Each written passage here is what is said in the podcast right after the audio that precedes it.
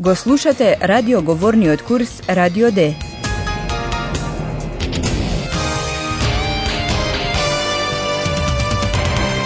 Заеднички проект на Гете институтот и Радио Дојче Веле. Авторка е Херат Мезе.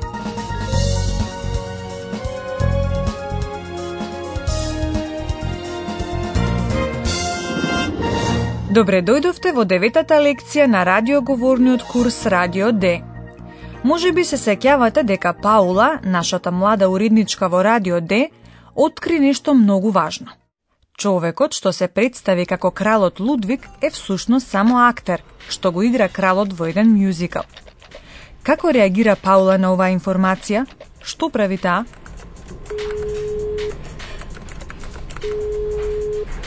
Philipp, was machst du? Wo bist du? Bitte, geh ans Telefon, bitte. Paula, ich verstehe nichts. Ich verstehe überhaupt nichts. Du verstehst nichts? Ach. Sag mal, was war in Neuschwanstein? Паула се обидува веднаш да му се јави на Филип. За жал таа не може да го добие. Philipp, was machst du? Wo bist du? Bitte, geh ans Telefon, bitte. Паула досега немаше можност да му раскаже на незиниот колега Ајхан што се случи во замокот Ној Шванштайн. Зато Ајхан ништо не разбира. Paula, ich verstehe nichts. Ich verstehe überhaupt nichts. Подобро и да не го кажеше тоа, оти уште повеќе ја разлутува Паула. Но бидејќи Ајхан многу сака да дознае што се случило во Ној Шванштайн, тој уште еднаш внимателно запрашува. Du verstehst nichts? Ach. Sag mal, was war in Neuschwanstein? Паула меѓутоа нема време за долги објаснувања и затоа Ајхан не дознава ништо.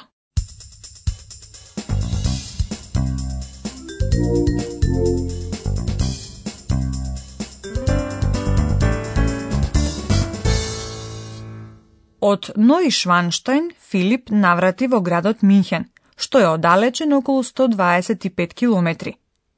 Во Минхен Филип отиде во едно кафуле и во весник откри оглас што многу го заинтересира. Информацијата што Филип ја читаше во весникот вам ви е позната од радиоспотот. Што дознавате ново?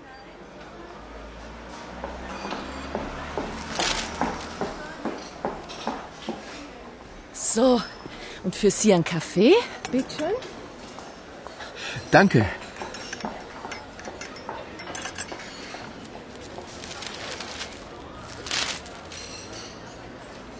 Das ist ja interessant. König Ludwig, die Sehnsucht nach dem Paradies, das Musical. Eine Tour von München nach Neuschwanstein. Unsere Telefonnummer. Das mache ich sofort.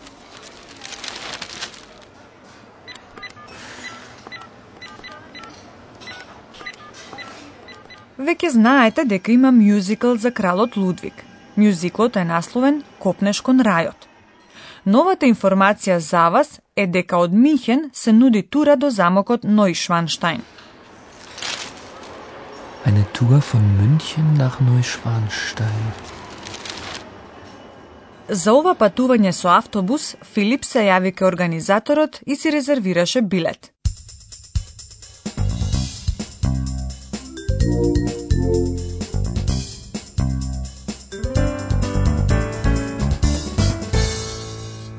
Любопитноста не го остава Ајхан на мира. Може би Филип ќе му раскаже нешто за доживувањата во замокот Ној Шванштайн? Па така тој наводно сосема случајно прашува, каде е Филип?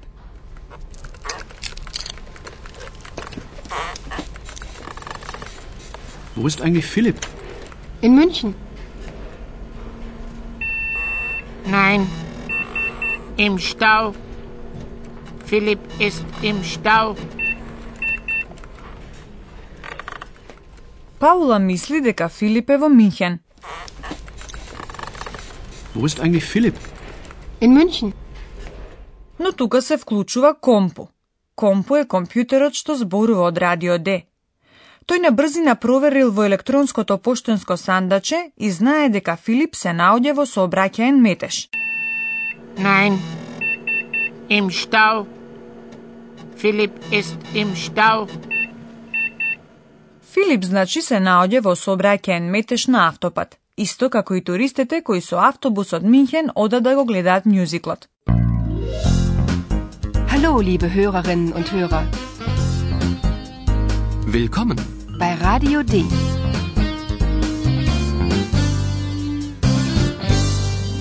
Radio D. Die Reportage.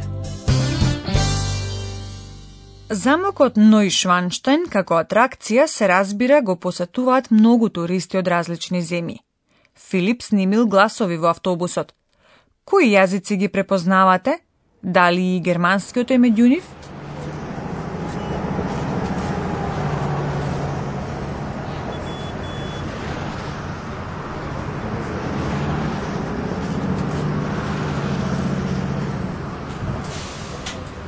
Ein Stau?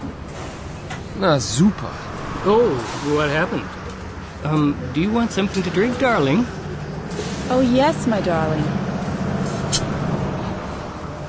Tu as faim?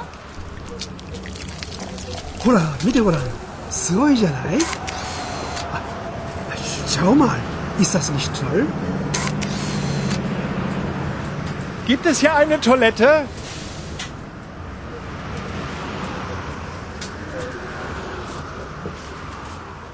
Може би ги слушнавте англискиот или францускиот јазик? Или јапонскиот? Па добро, вие сигурно ги разбравте и оние што зборуваат германски. Некој прашува дали има тоалет? Gibt es hier eine Toilette?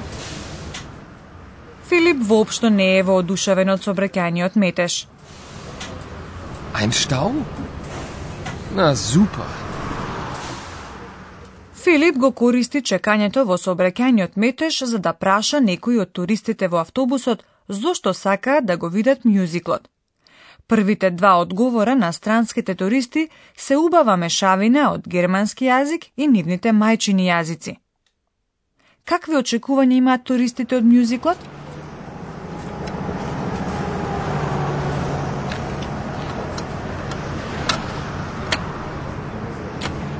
Grüß Gott, ich bin Redakteur bei Radio D.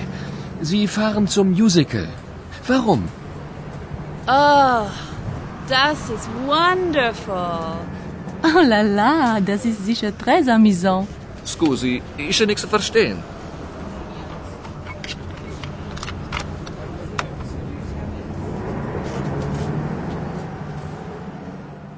Туристите имаат позитивни очекувања. Првата туристка си замислува дека сигурно ќе биде прекрасно.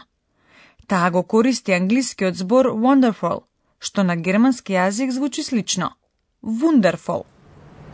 Oh, das ist wonderful. Втората туристка си представува дека сигурно ќе биде забавно.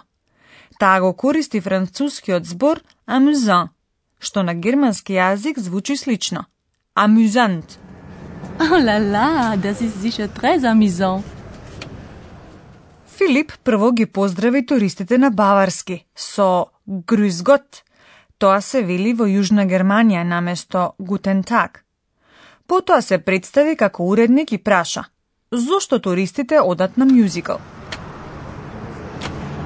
Grüß Gott, ich bin Redakteur bei Radio D.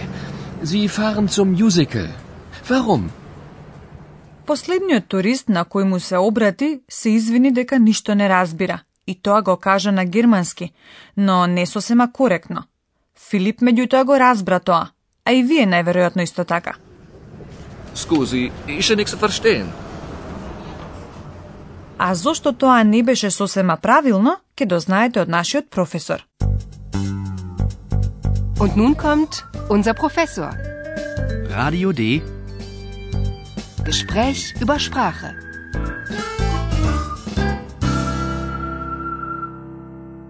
Да, па вас ке ве прашам сосема едноставно. зошто изјавата на последниот турист не беше на правилен германски јазик? Па добро, ние барем разбравме дека тој вели оти ништо не разбира. Scusi, ich kann nichts verstehen. Дали туристот не го изговори правилно зборот ништо, nichts? Не, во говорниот јазик тоа често така се изговара. Но споредете ги ве молам наредните две реченици и внимавајте на позицијата на негацијата ништо, nichts. Ich verstehe nichts. Ich nix verstehen.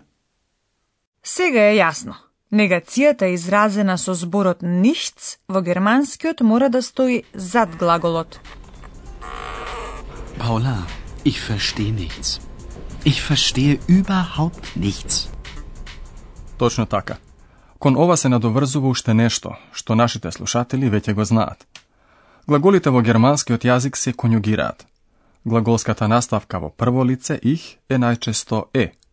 Значи во говорниот јазик не се користи само инфинитивот на глаголот. Многу ви благодарам, господине професоре. А вие, почитувани слушателки и слушатели, можете да слушнете уште една музичка numera во рап верзија.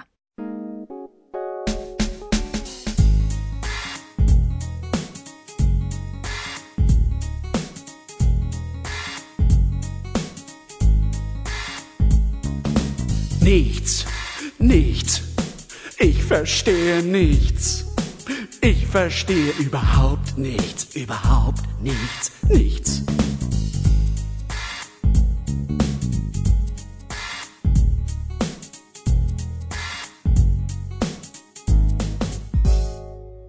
Се надевам дека повеќе разбравте. Сега можете повторно да слушнете некои сцени.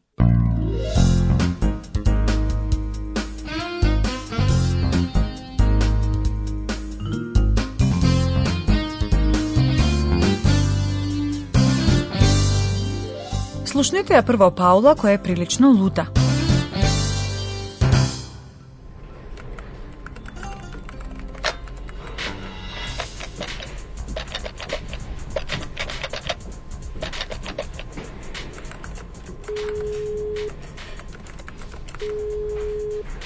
Philipp, was machst du? Wo bist du? Bitte, geh ans Telefon, bitte. Paula, ich verstehe nichts. Ich verstehe überhaupt nichts. Du verstehst nichts? Ach, Sag mal, was war in Neuschwanstein? Автобусот со кој Филип оди да го гледа мюзиклот се наоѓа во сообраќаен метеж.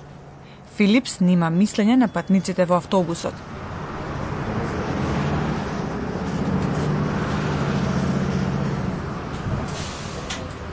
Ein Stau? Na super. Oh, what happened? Um, do you want something to drink, darling? Oh, yes, my darling. Tu as faim ほら、見てごらん。すごいじゃないあ、schau mal. Ist das nicht toll? Gibt es hier eine Toilette? Филип сака да дознае зошто туристите одат да го гледаат мюзиклот.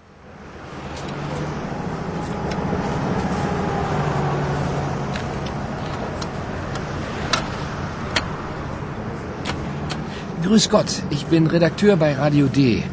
Sie fahren zum Musical. Warum?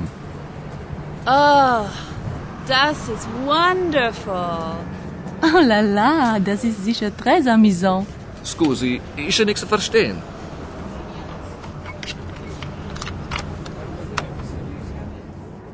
Во наредната лекција ќе запознаете уште еден важен лик од радиоговорниот курс. Веќе го познавате малку, но не вистински. Ке слушнете. liebe Hörerinnen und Hörer, bis zum nächsten Mal.